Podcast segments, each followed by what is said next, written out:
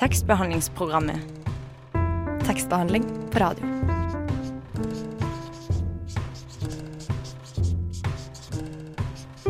Tekstbehandlingsprogrammet.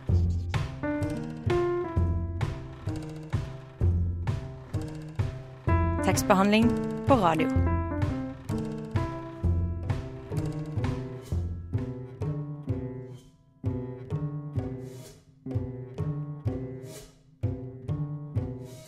Hei og velkommen til tekstbehandlingsprogrammet her på Radio Nova. Det er onsdag, og det er forhåpentligvis fint vær ute. Jeg er August Ekerø, og sammen med meg i studio har jeg tekstbehandler Katrine Mosvold. Ja, hei. Hei, og i dag får vi besøk av Inka Sivana Torvund. Eh, Men først, Katrine, Yes. har du en anbefaling eh, til hen som lytter på? Uh, ja, altså Eh, Ja! En eh, litterær anbefaling? Det må ikke være litterært. Nei, for jeg tenkte kanskje å anbefale å eh, nyte høsten. Eh, sensommeren. Bade, i havet. Det var jo veldig fint vær i helga. Det er jo ikke det For nå du- mer, tror jeg. Du bada jo i helga. Jeg badet to ganger i helgen. Du er gæren. Jeg svømte og stupte og Sam samtidig, eller etter hverandre, eller samtidig Nei. Nei, men det er Litt fett. begge deler. Ja, det var veldig deilig. Ja, Sjæl har jeg faktisk lyst til å anbefale alle å se den eh, nye Kaptein Sabeltann-filmen. Eh, eh, litt fordi pappa er med og lager musikken, men eh, mest fordi den er akkurat passe morsom. Eh, og sangene, de får du på hjernen. Men før vi beveger oss videre, så er det tid for litt musikk, og du skal da få høre mer med Hanne Kolstø. Det var mer med Hanne Kålstø på tekstbehandlingsprogrammet her på eh, Radio Nova. Og eh, i studio er fortsatt eh, meg, August og Katrine. Og nå har vi også da fått besøk av Inka Torvund. Hei, hei. Hei. Hei, og Inka, du eh, tegner jo mye og skriver masse. Og blander i. Eh, hvordan er det? Hvordan funker det for deg? Um, min prosess eh, med tekst og bilde um, Jeg jobber jo ganske mye med tegneserier, men egentlig så er de De er ganske eksperimentelle. Så det er jo et kunstuttrykk på en måte. Uh, og jeg jobber veldig mye med komposisjon, og, og da er det veldig viktig at teksten liksom går veldig fint sammen med bildene visuelt sett. da. Mm, veldig interessant. Det kan vi komme, komme litt eh, tilbake til. Men først så har vi en eh, fast spalte her i tekstbehandlingsprogrammet. Og den heter jo Fem faste. Fem faste. Fem faste igjen på rykende fart. Ja. Eh, Inka, hva leser du nå? Um, akkurat nå så har jeg nettopp blitt ferdig med en bok som heter 'Jeg snakker om det hele tida' av eh, Kamara Lunestad Jof. Hvor sitter du helst og jobber? Tegner? Jeg sitter i hybelen min ved skrivebordet. Hjemme. Eh, hvilken font skriver du i? Um, det blir jo som regel håndskriften min. Om du ikke hadde tegnet, hva hadde du gjort? Da Da hadde jeg prøvd å bli antropolog. Eh, hva var din favorittbok som barn? Mye forskjellig, men jeg må nesten si noe av Roald Dahl, da. Ja. Hva som helst, egentlig. Ja, Det er veldig bra. Roald Dahl er jo en fantastisk eh, forfatter. Har du lest noen av de korte, altså short novels hans, eh, som er ofte ikke så barnevennlige? Ja, de for Ja, litt eldre. Ja, for litt, litt for voksent publikum. Men eh, Inka, du kom jo snart ut med ei, ei bok, eller kanskje en grafisk roman, om man tør å, å, å si det. Og hvordan har den prosessen vært for deg? Veldig lang og litt rar. Eh, fordi det har tatt ganske mange år, egentlig. Eh, fordi jeg, jeg begynte med det som en avslutning på bacheloren på Kunsthøgskolen i Bergen. Men så skjedde det mange ting i livet, og jeg flytta mye rundt og har gjort mye forskjellig, så det har vært sånn lange pauser mellom der jeg har jobba i korte, litt sånn intensive perioder med boka. Det at det har skjedd så mye i livet ditt, har det gjort at kanskje uttrykket i den boka som kommer, da, eh, eh, har den hjulpet på å eh, forme uttrykket som kommer fram i den? Um, ja, Det har jo Både historien og uttrykket har nok endra seg litt. Uttrykket ikke så mye, jeg jobber liksom på ganske samme måte. Men historien har endra seg, og på en måte også blitt mye tydeligere for meg sjøl, da. Hva det handler om. Og, og hva heter da boka di, for de som hører på? Boka heter um, 'Hun sådde eit rådyr og lot det gro'. Hun sådde et rådyr og lot det gro. Mm. Det høres litt bedre ut på, hørte jeg på standardisert eh, nynorsk, men uh, det er en kul tittel. Uh, før vi fortsetter nå, så skal vi høre på litt mer uh, musikk. Og nå kommer da What It Is med Dominic Senn.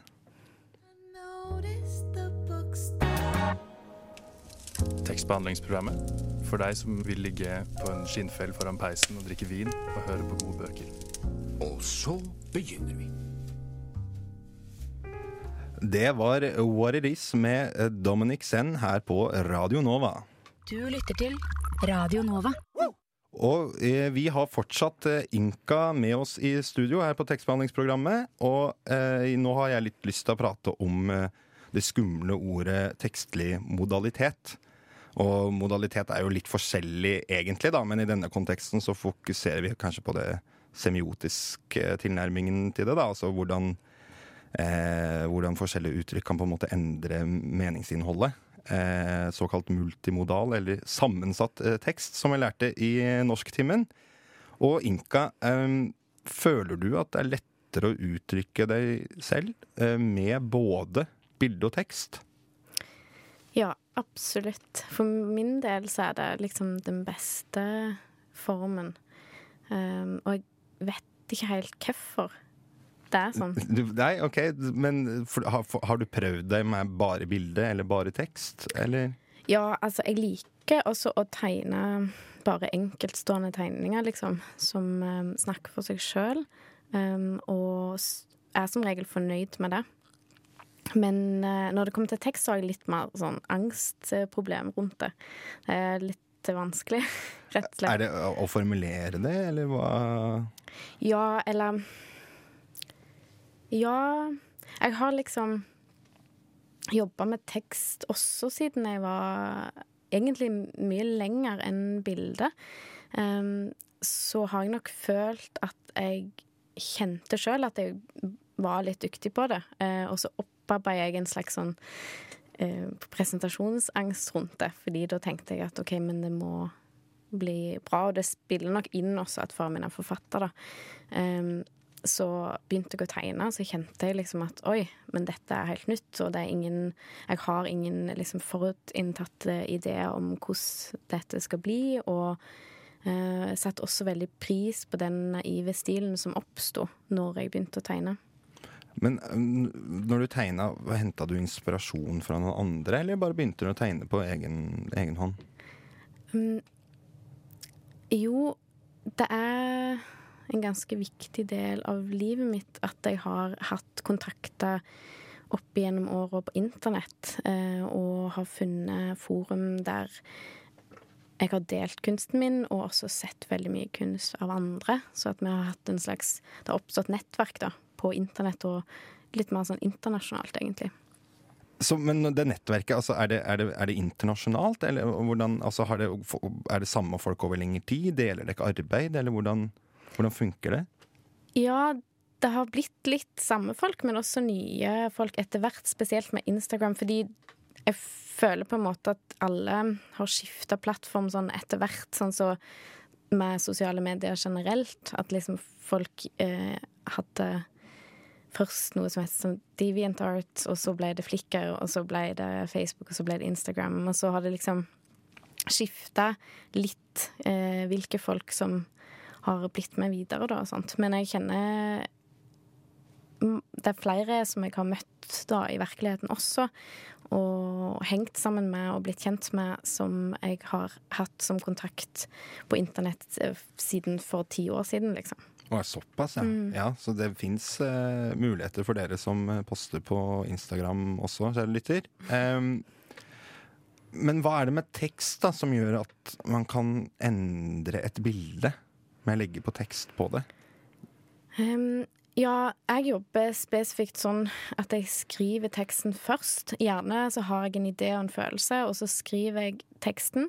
Og da litt som et dikt, på en måte. Um, og så Men det er en veldig sånn flytende, rar form. Og så uh, vil jeg liksom beholde mye spontanitet når jeg tegner. Så jeg bru bruker teksten, og planen er jo å uh, at det skal bli likt som det jeg skrev, men det jeg merker, er jo spesielt med litt lengre tegneserier, eksempel, så merker jeg jo at det ikke funker helt sånn, og det er ofte det visuelle setter visse rammer da, for hva som ser bra ut, og også så er det jo på en måte illustrasjoner av tekst, selv om jeg jobber ganske fritt, da.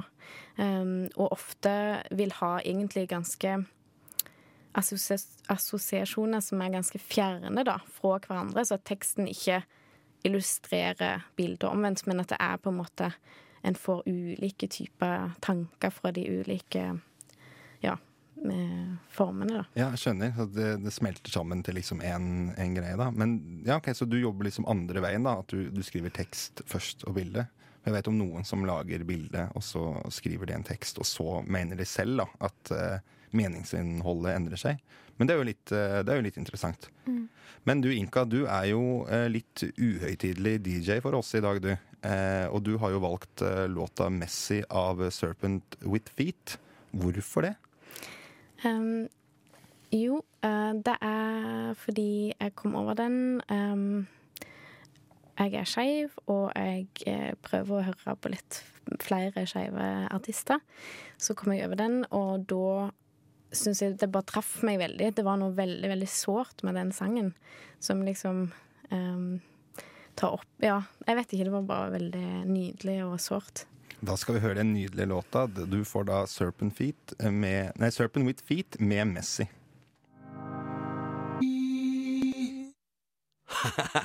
Hallo, Chartersveien her. Jeg passer jaggu meg inn i tekstbehandlingsprogrammet også. Jeg syns at døra bør stå på gløtt. Tekstbehandlingsprogrammet holder døra oppe for alle. Lar du døra di være litt du hørte Messi med 'Serpent With Feet' her på tekstbehandlingsprogrammet på Radio Nova. Og Katrine og jeg har fortsatt eh, Inka Torvund her i studio.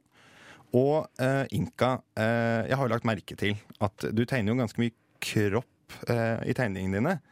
Syns du det er for mye, eller altså kanskje rettere sagt litt feil fokus på kropp? Um på et generelt grunnlag? Um, ja Jeg tror Jeg syns jo det. Uh, og jeg tenker jo sånn Personlig så er jeg bevisst på en måte alt kroppspresset, og jeg er feminist og mener liksom at det er feil og ganske destruktivt kroppsfokus um, i dagens samfunn. Samtidig så oppsto tegningene mine litt på den måten av seg sjøl. Og det handler nok også om at jeg personlig har slitt med eh, kroppskompleks og sånne ting. Så det var også en sånn direkte måte å bearbeide det her med kropp og kanskje ja, kunne bidra med et bilde av kropp som ikke er så ukomplisert og shiny, men liksom litt mer sånn awkward og rart og mange forskjellige kropper. Og syns også det er veldig interessant med kroppen som tar opp rom, på en måte, og hvilke kropper som får ta mest plass og sånne type ting. Altså, du har jo, eh, eh, hva skal man si, kanskje litt sånne enkle, da, ikke med negativt fortegn, men eh, enkle eh, tegninger med tynne streker og sånn. Og eh, Altså, jeg lurer liksom litt på om det er noe symbolikk, da, kanskje, i, i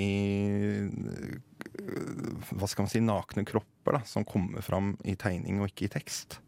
Det var et vanskelig spørsmål. Det var et vanskelig spørsmål. um, tenker du da på at fordi det liksom er visuelt eh, og Er det noe du kan si med tegning angående kropp enn å eksempel skrive om det? Da? For det er mange som skriver om, om kropp, da, blant annet. Men er det liksom et eller annet Du var jo litt inne på det. At det er liksom, du prater litt om eh, kropper som tar plass og, og sånne ting. Men um, er, det liksom, er, er, det noen spesiell grunn til at måte, du kommer tilbake igjen til det hele tiden? da?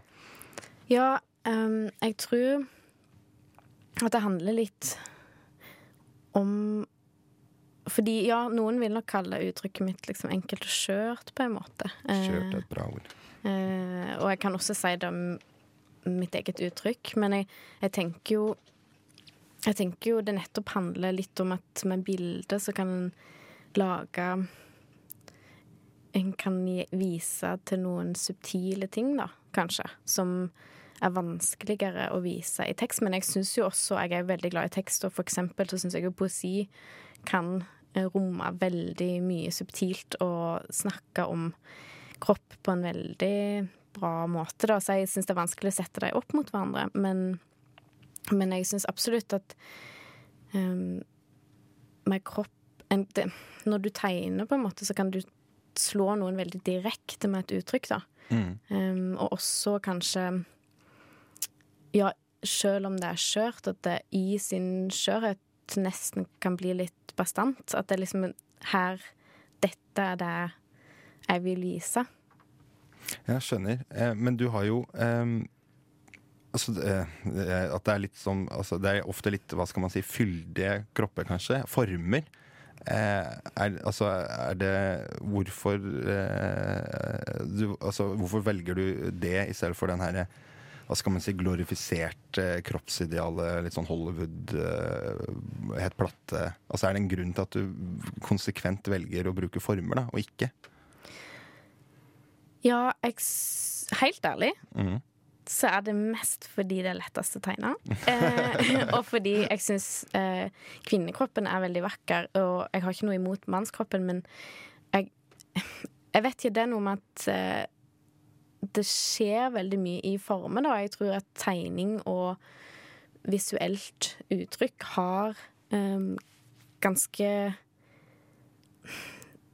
Prøver liksom å jobbe med former, da, uansett, nesten. Uh, så jeg føler jo at det er Det handler jo også om streken, og kanskje nettopp det at jeg bruker streken på en sånn måte at um, at former blir viktig, da. Eh, men, men, jeg mener jo absolutt Eller jeg tenker jo at selv om det bare blei litt sånn med de kroppene, eh, og det blei også mitt uttrykk, så føler jeg jo absolutt at jeg også ønsker at det skal være en kommentar mot det mer sånn glansbilder av kropper som en ser i dagens samfunn. I magasiner, eksempel. Mm. Ja, for det er det jeg føler òg. Det liksom på en måte er en litt sånn altså en quasi-statement, da. På en måte konsekvent bare gjør det. Fordi kropp kommer jo i masse forskjellige former. Og det syns jeg vi skal eh, anerkjenne, rett og slett. Og det gjør man jo ikke eh, nok i dag. Iallfall ikke mainstream, mainstream media, da. Men er det, Du var jo litt inne på det, men eh, er det noe spesielt med kvinnekroppen som fascinerer deg? Um, Den er jo vakker, det kan ja. vi jo enes om, men liksom det er jo noe fascinerende med det, jeg er jo helt enig med det. Men er det noe spesielt hvorfor du kommer tilbake igjen til det, da?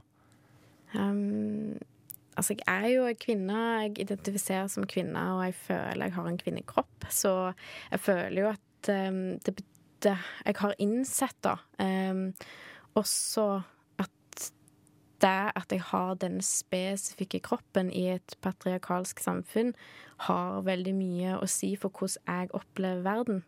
Eh, og det på både godt og ondt, da. Mm. Så jeg tenker mye på det og kjenner mye på det, og jeg tror at det kommer fram i tegningene mine, da. Mm. Men du har jo valgt enda en låt for oss, eh, Inka. Og det er jo Molly Birch med 'Wild'. Og hvorfor har du valgt akkurat den? Jeg vet jo ikke helt hva den betyr for henne sjøl, men eh, jeg syns det er fint at hun synger om ei kvinne, og at det er liksom der diffust hva, hvem hun um, synger til. Og om det kanskje er en del av seg sjøl, eller om det er en kjær som hun har kjær. Uh, men jeg syns uansett at den er fin, fordi du, det er nesten for, Eller jeg tolker den som at på en måte snakke om to forskjellige sider. Liksom at og det å være litt vill, og det å være litt mer sånn passiv. Eh, og at jeg føler også det er en ting som, som kvinner da dessverre må tenke en del gjennom da, i livet. Da hører vi Molly Birch med 'Wild'. Jeg heter Aune, og du må høre på tekstbehandlingsprogrammet. Fordi kunnskap og viten, det er det mest vidunderlige på denne jorden. Det var Molly Birch med 'Wild' her på tekstbehandlingsprogrammet. Gang til. Radio Nova. På, på DAB og nettradio. På radionova.no. Jeg har egentlig sagt det, men jeg kan si det en gang til. Radio Nova. Ja, vi er fortsatt på Radio Nova, dere. Det er fortsatt onsdag, og uh, Katrine og jeg har fortsatt Inka Torven i uh, studio. Um, og vi har jo lagt merke til at uh, på Instagrammen så legger du litt bilder med komplementerende tekst. Hvorfor det? Hvorfor jeg legger ut på Instagram? Ja, altså, ikke, altså ikke Eller- hvorfor, men liksom, hvorfor legger du ut bildene dine med en sånn komplementerende tekst? da? Og det er ikke bare bildene, for det er det jo Mm. noen som gjør også. Mm. Um, det er nok fordi jeg har veldig mye jeg skulle ha sagt. jeg, jeg, ønsker, eller jeg føler jo at kunsten min kan bli sett på som ganske uh, Som at han snakker for seg sjøl og er et uttrykk uh, som folk kan tolke som de vil. Men samtidig så, når det er en sånn plattform og sosiale medier, så kjenner jeg sjøl at jeg ofte har lyst til å vinkle det eh, til noe eh, personlig eller politisk, da. Eller begge deler. Eh, men vi, Du var jo litt inne på det nå, da, men tror du Instagram er et eh, godt medium for kunsten din? Altså, er Instagram, Hvorfor Instagram og ikke noe annet? Ja, eh, jeg syns det er litt komplisert, faktisk. Fordi ehm, som jeg nevnte tidligere, så føler jeg at det har gått liksom at at jeg har lagt ut ting eh, nå gjennom mer enn ti år da, på internett. Og så har jeg gått gjennom ulike medium og ulike plattformer, og um, på en måte så syns jeg Instagram er bra, fordi det treffer veldig direkte, og det er på mobilen, og det er liksom veldig nært eh, de som ser og leser. Men samtidig så syns jeg det er veldig begrensa, og du for eksempel har Du kan ha veldig små bilder, og eh, ja, det er ikke så stort rom da for å vise kunsten på en sånn måte som jeg skulle ønske, eh, som gjerne er mer gjennom bøker, da. Mm. Men nå kommer du jo med bok til slutt, da, så da får du litt, eh, litt av begge verdener, rett og slett. Men vi har jo lagt eh, merke til at du eh, skriver mye på engelsk, eller nesten utelukkende på engelsk. Og eh, er det noen spesiell grunn til at du skriver på engelsk? Igjen det er litt lang historie, men det er jo også forbundet med det samme som jeg eh, nevnte. Det her med at jeg har hatt eh, internasjonale kontakter opp gjennom åra, og det har vært naturlig å skrive på engelsk, sånn at det når deg, da, og også liksom Det er jo Jeg syns det er noe negativt med at kunstverden har liksom virkelig eh, begynt å bare skrive masse engelsk og litt sånn ukritisk noen ganger. Så jeg er ikke 100 positiv til det, men jeg, jeg føler sjøl at jeg har um, jobba med engelsk såpass lenge, da, at jeg liksom har ganske mange redskap og syns det funker ganske bra å uttrykke meg på det språket, rett og slett. Ja, fordi er det noe du kan uttrykke på engelsk som du ikke kan på norsk? Det vil jeg ikke si, men det jeg føler, er at jeg uttrykker meg på en litt annen måte. Ikke nødvendigvis bedre eller verre, men jeg føler jo absolutt at når jeg Nå skriver jeg den boka som jeg skal gi ut eh, forhåpentligvis til våren, den eh, skriver jeg på nynorsk, som er mitt hjertespråk. Så det er absolutt noe annerledes, og jeg føler jo det er mye nærere. Jeg føler det er det språket som er mitt, eh, og som kanskje passer best også til uttrykket. Men samtidig så så føler jeg jo at eh, jeg kan kanskje leke litt med engelsk på en annen måte, fordi nettopp fordi jeg ikke er så kjent med det, og det ikke er morsmålet mitt, så på en måte kan jeg eh, Jeg vet ikke. Ja, det blir, det blir litt distanse, da, som gjør at jeg kanskje kan eh, utfordre meg sjøl litt. Men, så du skaper på en måte et skille da, på en måte mellom eh, altså Instagrammen, som på en måte er litt sånn, hva skal man si altså, ikke, overflødig, men liksom at det er enkeltbilder og sånn, og så har du noe som på en måte da er hjerte, nært hjertet ditt, da, som er det her bokprosjektet, og da blir det naturlig at det er på morsmålet, da, eh, nynorsk. Det er in interessant. Men du har ikke vurdert å uh, ha Instagrammen din på nynorsk, da? Nei, det handler jo veldig mye om at det er ikke så sinnssykt mange som følger den, og de fleste har, kan nok ikke norsk, da. Så jeg vil jo at det skal nå fram til de som liker kunsten min og ønsker å få med seg det, som jeg sier. Ja, Så du bruker engelsk for å nå et mer internasjonalt publikum, Ja. da kanskje? Eller altså, du var jo inne på at du har, du har jo masse bekjente og sånn, men det er jo kanskje det internasjonale aspektet der, ja. Men eh, du har jo valgt en siste låt for oss eh, i dag, eh, Inka. Og det er jo 'Ether and Wood' av Elaila Diane. Og hvorfor har du valgt den? Um, jeg syns hun er en veldig bra artist. Jeg er veldig glad i henne. Um, og så akkurat den sangen Den syns jeg er veldig trist og litt vond, og liksom handler kanskje litt om tap og eh, det å måtte gå videre i livet. Eh, og jeg syns det passer litt sammen med bokprosjektet mitt, egentlig. Da hører vi 'Ether Wood' med Elila Diane.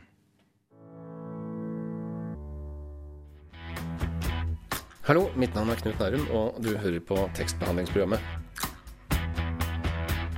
Jeg går i hvert fall ut fra at du gjør det.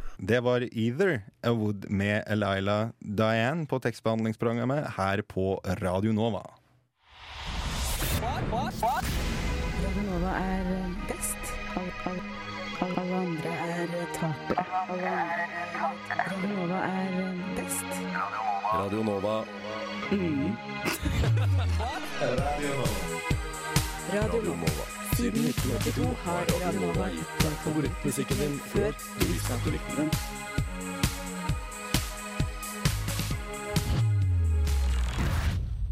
Ja, du hører fortsatt på tekstbehandlingsprogrammet her på Radio Nova. Og eh, nå var det jo litt eh, oppløftende jingle her, da. Men nå tenkte jeg jeg skulle hoppe til litt sånn Altså ikke de dype drakter, da. Men eh, Inka, du er jo ganske åpen rundt din psykiske helse. Iallfall på Instagram. Eh, eller iallfall tilsynelatende. Eh, føler du at det er eh, terapeutisk å jobbe gjennom tegning? Eller med å, å jobbe mellom kunst, da?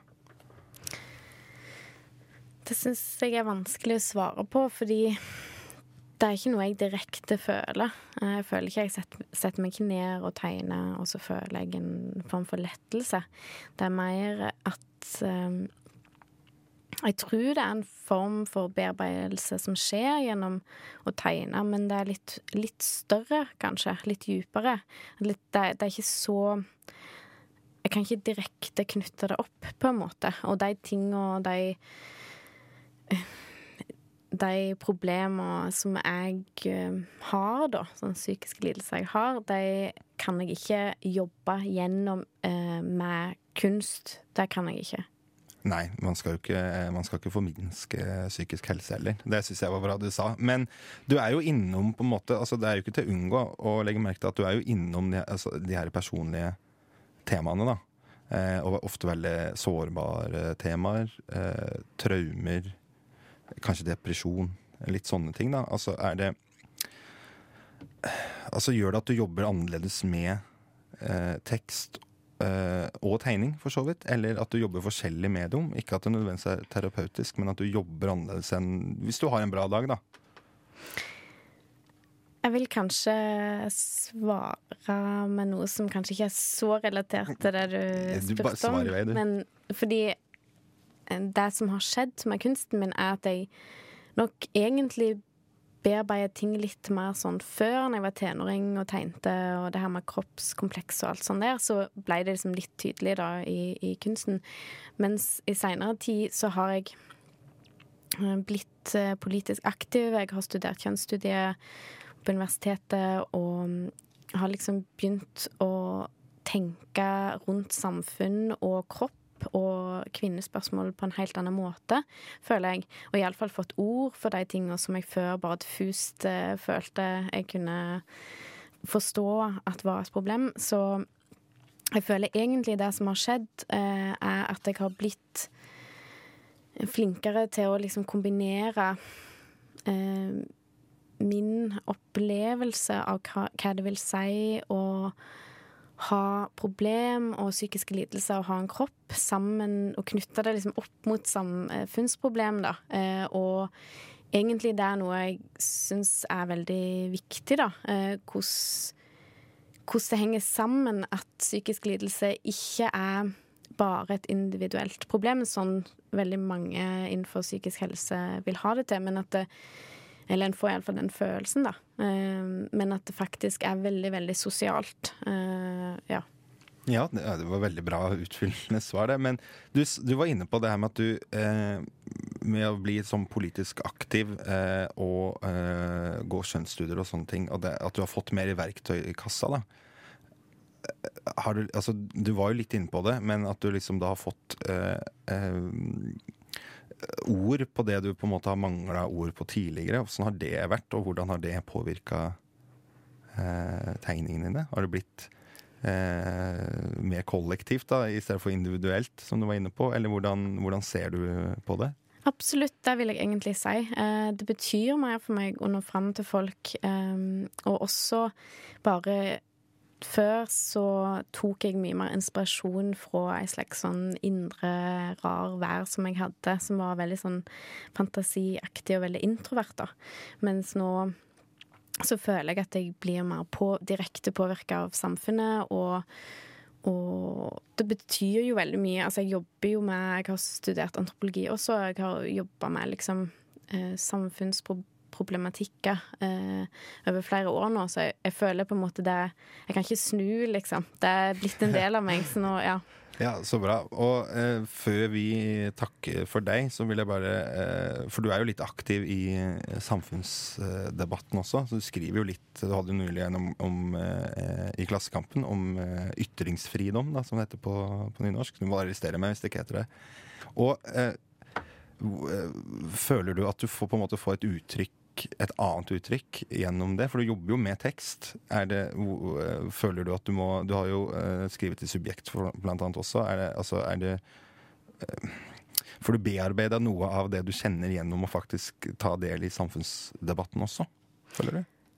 Ja, um, det, men det handler nok også mer om liksom kollektiv um, se de større sam samfunnsproblemene og, liksom oppleve at det selvfølgelig er knyttet opp mot mine egne, men også gå utover meg sjøl og innse på en måte hva privilegiet jeg har, og også uh, forholde meg til um, problem som ikke nødvendigvis er knyttet til meg, men som, har, som, er viktig for meg, og som jeg føler um, går galt da i samfunnet. Ting som jeg vil kommentere, og ting som jeg føler ikke er som så balansert, kanskje, som en sånn, skulle ønske. Ja, at det er sånn som det burde være, da. Mm. Ja, ok. Og så et siste spørsmål. Eh, og det er jo, nå kommer jo den boka eventuelt, da, eh, i vår, eh, tydeligvis. Men syns du det er skumlere å gi ut da en fysisk bok enn å legge ut innlegg på Instagram? Ja, absolutt. Jeg har masse, masse angst for det. Nå har jeg jo egentlig um, gitt ut sjølpublisert noen små fanziner før. Uh, en del, liksom. Uh, men det er såpass lite, og det er så få kopier at det føles ikke så skummelt, liksom. Men jeg syns jeg, jeg, sliter veldig med, med, tanken på å gi ut ei faktisk bok, og det er litt det der med at det er den første også. Og så føler jeg at fordi jeg har holdt på med å legge ut kunst på internett så lenge, så har det blitt veldig vanesak, da. Ja, og da takker vi for deg, eh, Inka Sivana Torvund. Eh, du hører fortsatt på tekstbehandlingsprogrammet, og nå skal vi høre tekstbehandler Emily sin bokanbefaling. Jeg leser sjelden selvhjelpsbøker. Om jeg gjør det, så er det godt innpakket i et teppe av selvironi. Men nylig plukket jeg av boka A Monk's Guide to a Clean House and Mind, skrevet av buddhistmunken Shukai Mutsumoto, som jeg fikk av en venninne for ikke så lenge siden. Matsumoto har skrevet selvhjelpsboken som hjelper deg selv med å gjøre det du ikke visste du ønsket å hjelpe deg selv med å gjøre. På en magisk måte forklarer denne perlen av en bok hvordan man kan rengjøre i den grad effektivt, lett og selvhjelpende at jeg faktisk fikk lyst til å sette i gang sporenstreks. Guiden er kun på litt over 100 sider, inndelt i forskjellige kapitler, for å forstå rengjøring, for å beskrive nyttige verktøy og rengjøringsgjenstander, samt tar han for seg ulike rom med tips og beskrivelser for hvordan en kan gjøre rent på best mulig måte for rommet og for sinnet. Uh, a monk's guide to a clean house and mind I published uh, seven years ago in Japanese initially, and uh, after that, uh, this book uh, has been translated into over uh, 15 languages uh, across the world. Det er tydelig at boka er skrevet fra en japaner sitt perspektiv, med utgangspunkt i japanske verktøy og buddhistiske gjenstander som må rengjøres. Men de små tipsene og triksene relevant i min hverdag i Oslo kommer overraskende inn mellom alle de japanske glosene. I tillegg lærte jeg så mangt. Matsumoto nevner de japanske arbeidssokkene Gunsoko, som sammen med de simple Zeta-sandalene mest sannsynlig har gitt opphav til Hipster-Norges sokker i sandaler-trend. Og ikke minst fikk jeg vite hvorfor toalettet er det viktigste rommet å rengjøre. Og det er ikke av de naturlige grunnene jeg tidligere tenkte det var. Yeah, Chula Pantaka, one of the 16 arahats, and uh, Pantaka's brother. And so, uh, as as a disciple, he was exceedingly dull and stupid. Uh, he could not apply his mind or commit to memory even one stanza of doctrine. So, the Buddha gave him the words get rid of the dust, get rid, rid of the impurities, and told him to sweep the floor uh, as his practice. Eventually, he started to think about the meaning of the words and thereby attained realization. Det som gjør mest inntrykk på meg, er nok hvordan vasking og rydding kan omfavne alle deler av min hverdagsfilosofi. Ikke drepe andre levende vesener unødvendig, gjenbruk og begrensning av avfall. I tillegg beskriver Matsumoto enkelt hvordan vasking og rydding, som man vanligvis vegrer seg over, vil endre sin funksjon hvis man bare endrer hvordan man ser på det. Muligens kan man oppnå et slikt nivå av avslappethet at man kan gå resten av dagen og nynne uten å tenke over det. Matsumoto nevner så ofte viktigheten av hvordan min omgivelse ser ut, for det har stor påvirkning på min indre ro. Alt fra sakene gjemt i skuffene til måten jeg bruker klærne mine, reflekterer hvordan jeg takler verden. Og som flere anerkjente anmeldere har påstått, så er boka og tipsene overraskende beroligende. Mm, when I uh, meet my friends uh, abroad, uh, everybody just think of sitting meditation when I uh, when I talk about Zen. But actually, uh, monks put more time on uh, cleaning than sitting meditation.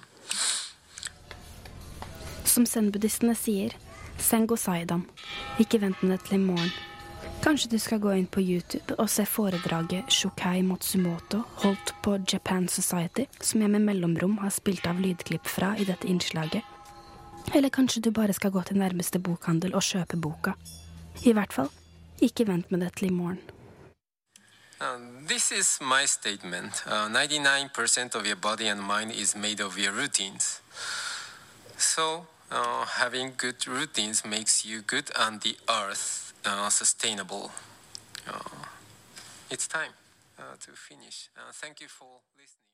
Der hørte du tekstbehandler Emilys eh, bokanbefaling, og med det var tekstbehandlingsprogrammet over for denne gang. Og eh, det som er litt kult, er, Katrine, er jo at vi kan jo tydeligvis eh, slå sammen eh, både tekst og bilde og skape et nytt uttrykk, og det syns jeg er eh, kult. og og tekstlig. Og med det takker August Hekerø for seg, Katrine eh, Mosvold og eh, Ulrikke Svenne eh, var tekniker eh, i dag. Ha en fin dag. Ha det.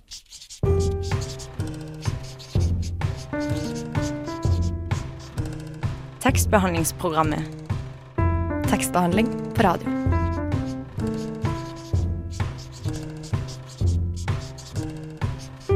Tekstbehandlingsprogrammet.